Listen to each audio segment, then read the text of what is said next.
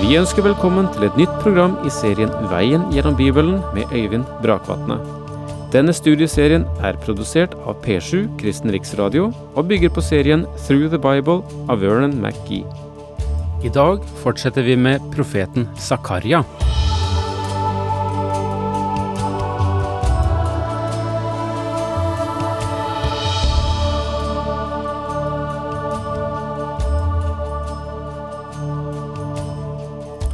Vi er nå i det åttende syn av ti som Zakaria så i løpet av en natt.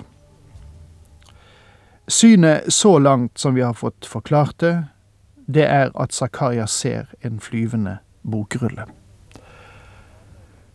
Gjennom å arbeide med dette synet og eh, parallelle steder som går på det, så forsøkte jeg å si sist at det som kan ligge i dette synet, er at dette budskapet fra Gud skal spres over hele landet.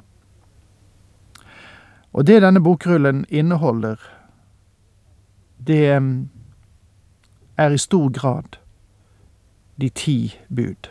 Det vil vi se senere ved behandlingen her, og at det går på de normer som Gud har fastsatt. Og disse normer er ikke bare nedfelt for Israel, men har hatt sin virkning på eh, andre nasjoner og verdensriker gjennom tidene, og er eh, også en mal for Guds vurdering av andre folkeslag. Og nå, efter å ha sett dette synet, som omtales slik eh, i vers tre blant annet, så sa han til meg, dette er forbannelsen som grut ut over hele landet. Fra nå av skal hver tyv utryddes etter det som står i bokrullen. Det er det som eh, sikter til at vi har med budene å gjøre her. Og enhver som sverger, skal fra nå av utryddes etter det som står i den. Og nå går vi da inn i kapittel fem vers fire, og der står det slik. Jeg lar forbannelsen gå ut, lyder ordet fra Herren, allherrs Gud. Den skal komme inn i tyvens hus og inn i huset til den som sverger falskt ved mitt navn. Den skal slå seg til i deres hus og ødelegge det, både treverk og stein. Den skal komme inn i tyvens hus. Det representerer budene som har å gjøre med menneskets forhold til medmennesker. Og inn i huset til den som sverger falskt ved mitt navn, henviser til første del av de ti bud. Selv gjennom Guds navn vil mennesket avlegge falsk ed. De ti bud ble i første rekke ikke gitt den kristne som en livsvei. Som troende er vi kalt til en annen vei, og den finner vi ved nåde. Mennesket kan ikke engang nå det plan som Moseloven foreskriver, uten hjelp. Gud ga dem loven, men han ga dem ingen hjelp som gjorde det mulig å fullbyrde loven. Det vil si at han ikke gav dem den forsoningens vei og den åndens iboende kraft som vi som troende får erfare. Og derfor kunne mennesket ikke i sin egen kraft og gjennom sine egne evner måle seg med de ti bud. Du og jeg lever i nådens tidsalder, og Gud har gitt oss sin hellige ånd, og ved ånden skapes frukt i våre liv, kjærlighet, glede, fred, langmodighet osv., som aldri fantes i Moseloven.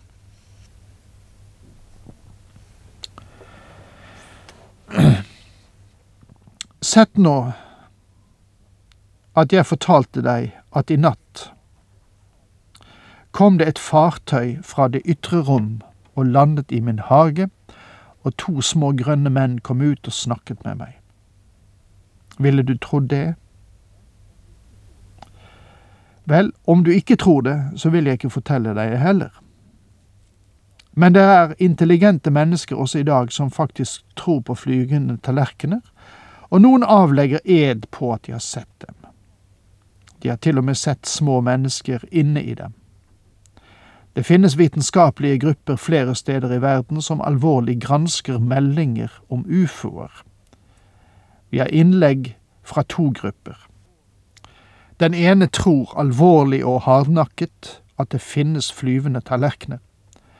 Den andre gruppen tviler på det og benekter det like hardnakket. Zakaria trodde ikke på flyvende tallerkener, men han så to flyvende gjenstander i sine syner. Han så merkelige objekter komme fra det ytre rom.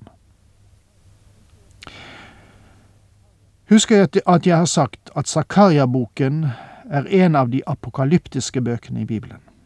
Den er grensesprengende, har stor plass for himmelske vesener, den er åndelig og svært symbolsk. Med andre ord, det han skriver, dreier seg om forhold utenfor denne verden. Og vi trenger å buksere oss unna fanatismen på den ene siden og materialismen på den andre siden. Vi står nå ved en utskytningsrampe, og vi er rede til å se enda et syn. Faktisk, om dere forstår meg rett, vil vi se den første astronaut. Tro det eller ikke, det er en kvinne som er i et av disse fartøyene. Det kalles en EFA-kurv, som er et hulmål. Og da går vi altså inn i det niende synet. Engelen som talte med meg, kom fram og sa til meg, løft nå øynene og se hva som kommer fram der. Og enda en gang erfarer vi at han har øynene vidt åpne. Dette er ingen drøm, og engelen som tolker dette for ham, sier, vær, vær så vennlig og løft øynene. Se oppmerksomt, Zakaria. Jeg spurte, hva er det? Han svarte, det som kommer fram der, er et efa-mål. Så sa han, dette er det en kan se i hele landet. Jeg spurte, hva er det? Dette var for Zakaria noe helt ekstraordinært, og jeg kan bare tenke meg at han undret seg fordi dette gikk ut over hans vanlige sanser. Men her skal vi altså møte en kvinne som stiger frem i rommet, og Zakaria ønsker en forklaring. Det som kommer fram der, er et efa-mål. En efa er et hulmål, og um, det er ca. 36,5 liter som går opp i et efa-mål og det ble brukt for å måle opp forbruksvarer som korn og mel, og derfor representerte dette handel. Men se, da blylokket ble løftet opp, satt det en kvinne i efamålet. Det vi møter i dette synet, er en fortsettelse av dommen over synd og ondskap i Israel. Dette strekker seg fram til kongerikets tid, når synd og ondskap skal være borte fra landet. Og dette synet ser også frem mot dommen over Babylon, som vil gå forut for tusenårsriket, og vi må sammenholde dette med åpenbaringen 18, der dommen over det kommersielle Babylon møter oss. Åpenbaringen 17 gir oss et bilde av dommen over det religiøse Babylon, men i kapittel 18 møter vi det kommersielle Babylon. Gud vil dømme begjærligheten. Hans bud er du skal ikke begjære. Og Gud vil dømme den grådighet som er knyttet til hele vår materialisme. Det blyloddet som omtales her, var et talent og det største vektmålet som ble brukt. Det var laget av bly, som var det mest vanlige tungmetallet brukt til å angi vektenhet, også når penger ble veid opp. Vi møter i Skriften at en av de store synder som heftet ved israelittene da de vendte tilbake til Babylon, var en ulykkelig kjærlighet til penger og begjær etter materielle ting. Du husker kanskje at Nehemja måtte ta israelittene fatt på dette punkt fordi de lånte ut penger til sine egne brødre og søstre for svære åger renter. Dette var et forhold som det var forbud mot i Moseloven, og Nehemja tar dem kraftig fatt. Den siste boken i Det gamle testamentet, profeten Malakis bok, gir oss bilde av landet etter at tempelet er bygget, og Malaki stiller spørsmålet vil et menneske røve fra Gud Tro meg, mine venner, Gud besvarte det spørsmålet. Han sa at hele folket hadde røvet fra ham. Du forstår at de var skyldig i å huse begjær. De hadde som sitt livsmål å samle mest mulig rikdommer for seg selv, og de var til og med villige til å røve fra Gud og gjøre urett mot sine brødre og søstre for å oppnå det. Det var dette som var i utvikling på Zakarias tid, og Gud åpenbarer for ham at han har til hensikt, sett i en langsiktig sammenheng, å fjerne denne begjærets ånd fra landet. Da satt det en kvinne i efamålet. Så langt jeg kjenner Skriften, ser det ut til at når vi møter en kvinne utenfor sitt naturlige funksjonsfelt, så har det med det onde å gjøre, med onde sammenhenger. For eksempel tenk på kvinnen i Jesu lignelse i Matteus 13, som la surdeig i melet. Surdeigen representerte det onde. Og det ondes surdeig er et prinsipp gjennom hele Guds ord. Og når Skriften gir oss et bilde av en kvinne i religionens sammenheng, slik som i menigheten i Tyatira, som hadde kvinnen Jesabel, som kaller seg en profetinne, som det står i Åpenbaringen 22, og den store skjøge i Åpenbaringen 17, så representerer de også det onde.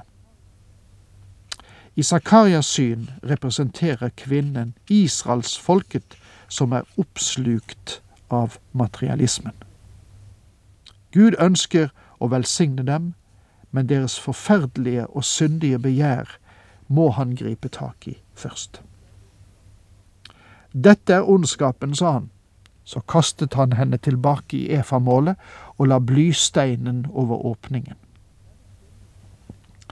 Denne kvinnen har skjult seg i efamålet hele tiden, men nå når tiden er kommet til at det kommersielle Babylon skal fjernes eller ødelegges, så prøver kvinnen å flykte fra situasjonen fordi hun ikke vil bli revet bort og dele nasjonens skjebne. Og derfor prøver hun å fly, men blir grepet og kastet tilbake. Jeg løftet øynene og fikk se to kvinner som kom fram. Vinden fylte vingene deres, for de var som storkevinger. De løftet efamålet opp mellom himmel og jord. Vel, hva representerer disse to kvinnene? Ja, jeg går ut fra at de kan representere onde medhjelpere fordi de er knyttet til å beskytte kvinnen i Efa-målet.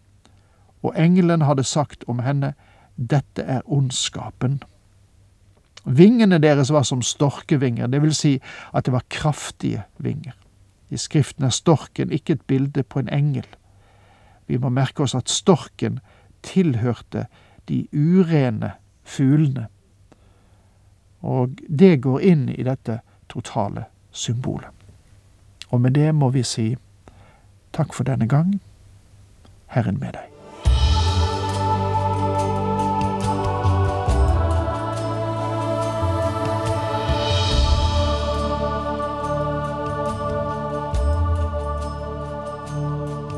Du hørte Øyvind Brakvatne i studieserien Veien gjennom Bibelen. Serien bygger på et manus av Vern McGee. Har du spørsmål eller kommentarer til programmet, kan du sende en e-post til vgb krøllalfa p7.no. Takk for i dag, og på gjenhør.